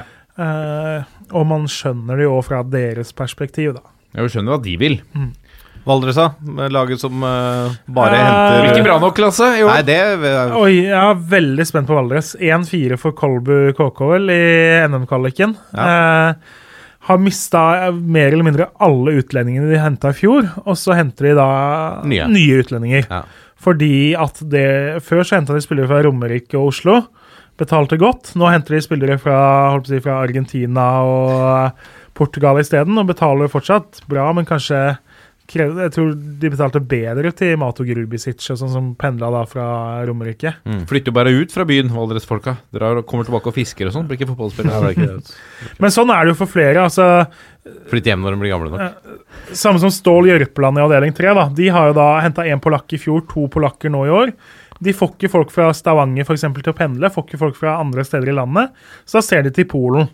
Eh, funnet spillere som de mener gir verdi der, og som om de flytter til Stavanger eller Jørpeland, det bryr tydeligvis ikke de seg så mye om. da. Så da har, man, har de funnet sin løsning på hente forsterkninger der, da. Mm. og samme er jo i Nybergsund, som da for sikkerhets skyld presenterer kun fornavn på spillerne sine. Og det Pæsj. Det er så nydelig. Det, Ja. eh, og det Nybergsund har ganske Der også mange henter de fra godt utafor Norges grenser. eh, Ja, der har de henta fra mange land, tror jeg, i vinter. Så det Altså, Men nå de er vi- ligger jo nesten utafor Norges grenser. Nå er vi, ja, det er Ja. helt korrekt. Nå er vi, nå er vi kommet over i avdeling fem. Ja, eh, og det er den Der hvor du kan i alle de seks andre lagene peke ut topplag, så er, ser jeg for meg at avdeling fem er den ta, det tabelltipset jeg forventer å treffe dårligst på i år. Fordi det er den avdelinga som ser soleklart jevnest ut fra topp til bunn. Eh, noen lag, sånn som altså Raufoss 2 og Kongsvinger 2, skal få det tøft over 26 kamper, som nyopprykka der. Eh, Melhus har henta bl.a. Robert Stene, har kommet inn. Ja. Eh, Alain junior Olé Olé har tatt eh, eh, turen gått fra spillet i Stabekk, eh, tatt en tur via Frøya, havna i Trønderlyn, før han nå er i Melhus. Eh, trolig den eneste som har Stabæk, Frøya, Trønderlyn, Melhus eh, som klubbhistorikk på Wikipedia. Trønderlyn, eh, klubben til min kjære bror. Altså eh, tidligere klubben til min kjære bror. Jeg er usikker på om han spilte i for andrelaget. Hvilken divisjon er Trønderlyn nå? Fjerde divisjon, kanskje? Vel, Han sto i mål ja, der oppe. Ja, det har vært fjerde-femte. Hva gjorde han der? Det- Han studerte i, han studerte i Trondheim. Spilte for Trønderlyn. Fikk, Ja. Vi prøvde å få, han, eh, få, han, eh, få overgang på han til eh, Ørn Christiania, men da, han hadde ikke vært på noen dugnadsgreier oppå der, så de holdt igjen, holdt igjen spillelisensen lisensen, hans. og den er tøff. Eh, ja, ja. Uh, Nybergsund som nyopprykka Nei, nynedrykka. Men som sagt, med en helt ny spillerstall på første treninga i år. uh, så hadde de invitert til storhallen sin. På treninga kom det Da kan vi få gjettekonkurranse. Hvor mange spillere? Tre. Syv. Det kom tre, men én var skada, så han skulle ikke spille. Så det kom to spillere klare for trening. Eh, nye treneren Yngve Sandbuløkken Og det er bratt, ass. påstå at han liksom ikke har, De har ikke vært stressa for de har visst at de har kommet i mål, da. men jeg kjenner at jeg har vært stressa. Komme og skulle, Her er lagets nye trener, nå skal vi starte sesongen. Det kommer to mann til trening, og en av dem er vel 16 år og har egentlig ikke spilt for A-laget før. liksom, så... Ja, nei, den er tung. Eh, men som sagt, de har mista veldig mange spillere, og trener Jarl André Storbekk fikk jo sparken. Han har også gått til Trysil FK i fjerde div. Tatt med veldig mange av spillerne over dit. Og så har da Nybergsund er Av alle 84 laga så føler jeg det er ett av lagene jeg er mest usikker på i år. Fordi jeg vet veldig lite om de nye de har henta. Eller ganske mange av dem vet jeg lite om. Eh, om altså, de kan bli alt fra nedrykkslag til å vinne med tolv poeng her, på en måte. Eh, vet ikke. Det, men ambisjoner om å være oppi der har de. Rosenborg 2 er oppi der. Jeg tror ikke de er så lystne på å gå opp. Tror også de er i kategorien rykker opp hvis de vil det. Hvis de virkelig går inn for det. Men annetlaget blir åpenbart fjerdeprioritet eh, på brakka. Og de har ikke den største avstallen per nå. Eh, Ranheim har en mye større avstand, kan stille mange unge gode. Jeg tror de blir med oppi der. Uh, og så er det et lag som andre, bl.a. avisa Tips uh, hadde Gjøviklyn på 13.-plass av 14. Eh, jeg har endt med å tippe Gjøviklyn øverst, jeg, da. Veldig mange som tilbyr god odds på dem også. Jeg sliter jo med å skjønne helt vurderingene bak at de er vurdert til samme odds som bl.a. nyopprykka Strindheim. Uh, henta blant annet henta Rocky Lekai. Han og Dag Alexander Altså Han og Dag Alexander Olsen på topp er jo strålende. Dag Alexander Olsen altså tilbake i Gjøviklin. Gamle Tottenham-stjerna. Valencia. Valencia. Det høres fryktinngytende ut i uh, tredjedivisjon. Ja, og så har de henta god keeper fra Steinkjer. De har henta en fra Valdres som var OK der. Henta en uh, engelskmann fra Leeds-systemet, blant annet. Så en tynn stall, men en god elver, da. Så jeg har på en måte tatt sjansen på de på topp her. Eh, Hvilke odds eh, fikk du på det? Eh, og godt over 50 på det. Så jeg, det er den ja, Av alt man har satt penger på denne sesongen, så er det den jeg Det er litt sånn at jeg føler at enten jeg eller alle andre er helt håper jeg, offside. Eh, enten så ser jeg noe som veldig få andre ser, eller så er Og det har skjedd. Det har skjedd ja, før. Ellers er det alle andre som vet bedre enn meg her. Det er liksom én av to caser. Det, jeg har ikke tippa på dem fordi jeg tror nødvendigvis at de rykker opp, men de har potensial til det. Jeg ser mer på dem som et topplag enn et bunnlag, da.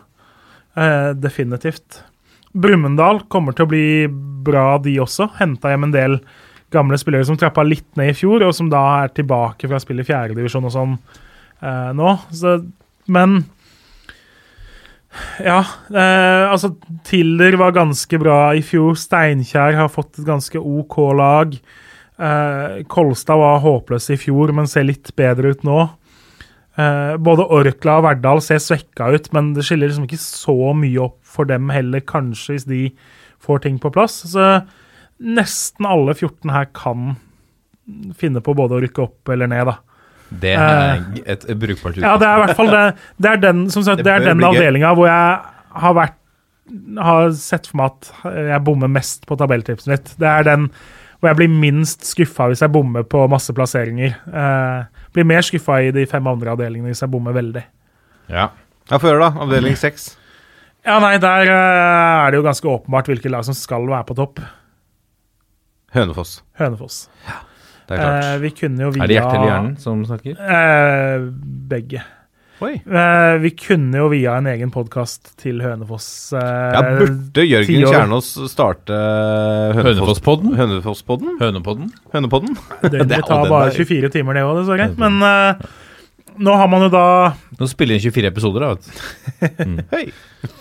eh, nytt trenerteam. Luke Torjussen kommer fra å ha leda Bærum de siste årene. Eh, nesten helt nytt uh, ny tropp. Tor Øyvind Hovda uh, er blant de få som er blitt igjen, og som er eneste som har opplevd å spille eliteserie med Hønefoss. Henta en del bra. Henta en spennende kar som heter Monty Patterson, blant annet. Han har 15 landskamper for New Zealand de siste sesongene. Oi. Skårte mot USA for ikke så Yes. altfor lenge siden. Uh, har vært, Potensiell stjerne der oppe.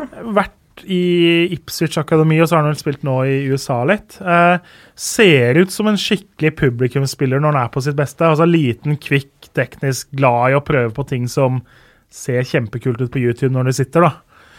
Eh, og så henta et par, hentet et par engelskmenn. Hent, han, eh, Torjussen har fått med seg to spillere fra Bærum. Henta Aske-keeper eh, Andreas Wedeler, som var god i andredivisjon i fjor.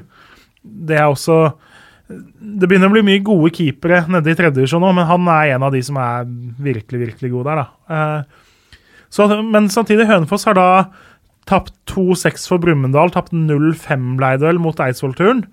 Tapte 0-1 for Flint i generalprøven, hvor du da brukte fire spillere i forsvar som egentlig er midtbanespillere. Eh, så det er ikke sånn at Hønefoss nødvendigvis vinner det her med 100 poeng ned. Men det er litt vanskelig å se andre opprykkslag her også. Uh, Junkeren uh, mister sannsynligvis uh, toppskårer Ivar Unnhjem, som nå er på eh, om ikke jordomseiling, så i hvert fall verdensturné Ja. eh, for andre vinter eh, på tre sesonger. Jeg teller litt på knappene. Han skåret vel fem- 4-25 i fjor. Har ett mål i snitt per kamp de siste årene. Det er greit. Eh, bra elver, tynn tropp der òg. Fløya kanskje litt svekka. Eh, de også. Harstad mista sine to mest lovende til Tromsdalen. Eh, Finnsnes er ikke helt hva de var før. Eh, ingen av de andre lagene er gode nok, tror jeg. Bodø-Glimt 2 er litt sånn litt utropstegn bak, fordi det er så mye gode unge i det Glimt-akademiet. Men har veldig mange kamper da dagen før førstelaget og sånn.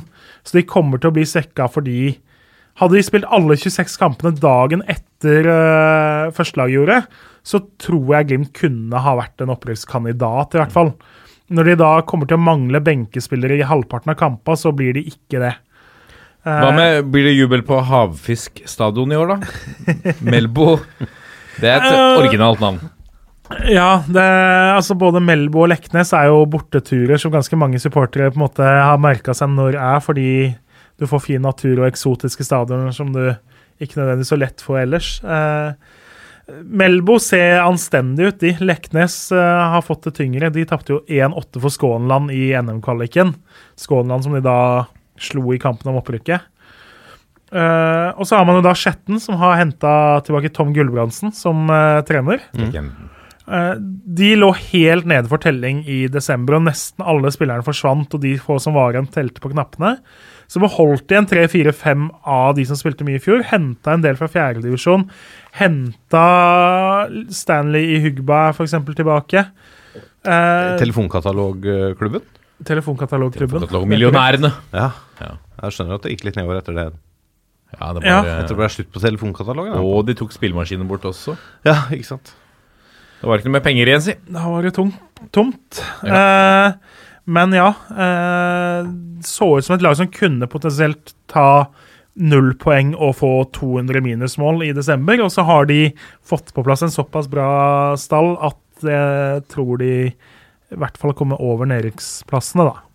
Men bare når vi først er inne på stadionnavn, eh, så vi glemte en i eh, avdeling fem. Melhus sin hjemmebane. Jeg er stolt, banen. Hva? Er, er, det, er dette sant, eller? Jeg vet, jo- har- jeg vet jo ikke. Altså, jeg er veldig dårlig på å følge med. Det er noe av det jeg er dårligst på i norsk fotball, tror jeg, er å følge med på liksom, sponsornavn på stadioner. Men den het i hvert fall det her ganske nylig. Jeg er stolt-banen. Mhm. Hjemmebanen til Melhus i Trøndelag, altså. Det er et, eh, det er et deilig navn. Det lar seg høre. Det gjør det. Ja. Blåbærmyra er har vi snakka om før, selvfølgelig. Også fint navn. Ja, det, det, Det er ikke veldig sponsorland. Det er ikke sponsorland. Og Nissekollen på, eh, hos Nardo er jo også ja, men det, altså, Her er jeg stolt. Det er, Meles fotball er en er jeg stolt-klubb, og det er noen verdier. og eh, Det ligger et eller annet bak det som Nå snakka vi jo om Robert Stene og Leo Leo og sånn. De har jo Roar Strand still going strong, han også. Ja. Eh, så det er jo et lag som har noen av de største profilene i tredjedivisjon, da. Men Lillestrøm 2 er oppført på, eh, som eh, arena LSK-hallen. Skal det spille innendørs hele Yes, sesongen? de har gjort det i hvert fall de siste sesongene. Er ikke det litt uh, kjedelig? Ja, det er vel litt sånn praktisk greier. Og det å ha kunstgress og bare ha ett lag som har Åråsen-gresset som primærarena osv., tror jeg. Eh, men ja, det, noen innendørsbaner finnes det jo rundt om. Men eh, litt spesielt er det jo. Men ellers og kvinner spiller jo også der, så det er ikke noe uvant det for, eh, på, i norsk sammenheng. Nei.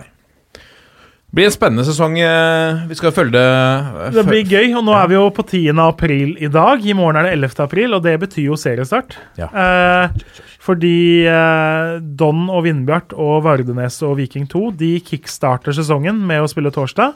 Og så er det jo da Hønefoss-Bodø-Glimt 2 på fredag kveld. Det, da regner jeg jo med folk er benka. Altså starten av påskeferien å få Hønefoss-Bodø-Glimt 2 finnes jo ikke noe bedre enn det for folk. Nydelig. Det er, men klart, for de som er glad i Hønefoss, så er det jo litt sånn Starte sesongen hjemme mot Bodø-Glimt 2 Ja. på en fredag. Vite at du snart skal opp til Leknes og Melbo og Skjervøy og spille matcher. Ta som en tur, da. For ikke Kjell, snakke om Ullkisa 2. Ja, den er. Altså, det er ikke veldig mange år siden man i Hønefoss-øyne ville sett på det som et gedigent nederlag å spille mot Ullkisa. Nå skal man altså spille mot andrelaget deres i serien. Det, ja. det, har, det har vært et bratt fall. Det kan vi slå fast. Det kan vi absolutt slå fast. Det blir en spennende sesong. Vi ønsker alle spillere og ledere og, og Er- supportere lykke til. Kan, kan vi si at det er en som å dette ned en foss? Oh, det, det, tror jeg vi må gå videre på den. Vi Altså. setter strek der, ja. Dette er toppfotball. Og fra bredde til mer bredde. Det er klart for Breddenytt med Jørgen Kjernås. Vær så god! Yes. Jeg, jeg sa én ting til dere nå før vi starta å spille inn. Det er egentlig to, da. Eh, jeg jugde. Uh, Løy heter det. jugde heter det på groruddølsk. Ok. Er ikke du lærer, da? Ja, ikke groruddølsk. Der er kun fasit. Uh, ene handler om lyn og surr med regler og teknikaliteter. Nei. Hvem skulle trodd? Ja, ja. Eh, veldig lang og komplisert sak. Veldig kort så har NFFs regler vært litt uklare, og Lyn har fått litt feilaktige beskjeder. Som gjorde at de brukte syv spillere fra A-lagstallen eh, på andrelaget. Noe som da viser seg, eh, mot det NFF sa og det Lyn trodde, at gjør at de kan ikke spille mot FK Tønsberg i serieåpningen eh, på lørdag. Nei, riktig. Eh, deriblant Eirik Haugstad og Fredrik Allertsen, og ganske mange som ville sitte på benken, så Lyn mangler da mange spillere pga. det nå. Men fant i hvert fall ut av det før kamp, da. Eh, konsekvensen ellers hadde jo sannsynligvis blitt 0-3 og 0 poeng, uansett hvordan kampen hadde endt på banen. Eh, men det er jo litt sånn og her, altså, De spurte NFF, og NFF ga dem feil beskjed, men så kom riktig beskjed via et rundskriv dagen før andrelagskampen uten at de fikk med seg det. Eh, så det er ikke bare Lyn liksom som har vært klønete her, det er også NFF må ta sin del av klønetheten. Men uh, det er jeg helt sikker på det ikke heter, Martin. Sterk på uh, nå, altså. Men uh, det er noe litt sånn typisk likevel at det skjer med Lyn. da, Det har jo vært litt spillere som har vært brukt uten å ha lov pga. gule kort og eh, ja, mye litt sånn snodige ting. Så. Men de er ikke aleine. Også Ullern blant annet har brukt veldig mange Kanskje ikke fra elveren, men i hvert fall fra tro- kamptroppen sin, da, som ikke får vært med i serieåpninga. Uh, og det er jo Ja, det er snodige saker. Det er det. Uh, andre jeg har lyst til å trekke fram, er fra Uh, fra NM-kvaliken. Sveriges Borg NTNUI. Uh, og der hører det med til historien at vinneren får ganske trolig Rosenborg eller Ranheim på besøk i første runde. Med andre ord så er det ganske mye som står på spill. Det er ikke hjemmekamp mot Byåsen eller Nardo eller Stjørdalsblink, all respekt til dem, men Ikke all respekt, men litt. ja, Å møte Rosenborg hjemme er jo potensielt et årsbudsjett eller fem. Ja. Eh, men stillinga 0-0, og dette er da fra Sveriges Borgs eh, Sveriges Borg. Sverres Borg. Sveriges Fra gamle kong Sverre osv. Jeg forstår. Borgen hans. Eh, yes. Eh, som først meldte artige dagens tilskuerantall, ca. 40. Ingen betalende, i parentes. uh, før de melder 50 minutter, og det er stillinga 0-0, og det står da storkamp på spill. Grinna, som da er keeperen, deilig navn òg, Grinna. Da har du stengt buret når det heter det. Ligger nede etter en klarering, og NTNUI kan avslutte på åpent mål. Hør etter Peter Kovacs. Dette velger de ikke å gjøre, og vi får klarert. Kunne blitt farlig. Uh, jeg vel- farlig, ja. Altså, dette velger de ikke å gjøre. Den er jo litt sånn utvet... Eller den er litt tvetydig, da. Er de klønete og oppfatter ikke situasjonen? Eller handler det her om ekstrem fair play?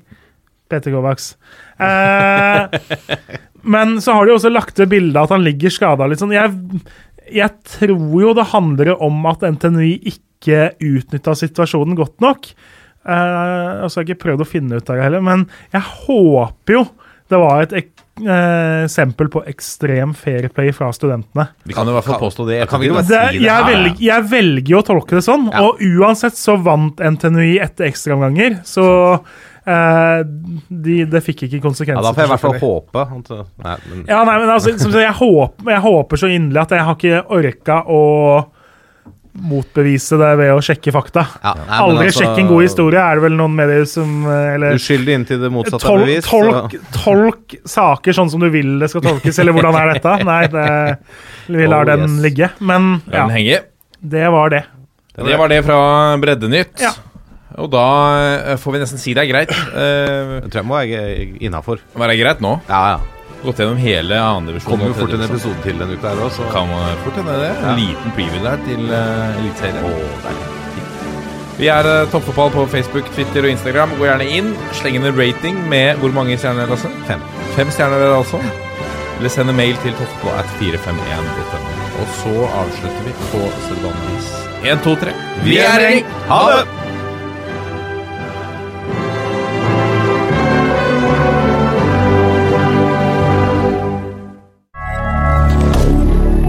Moderne media.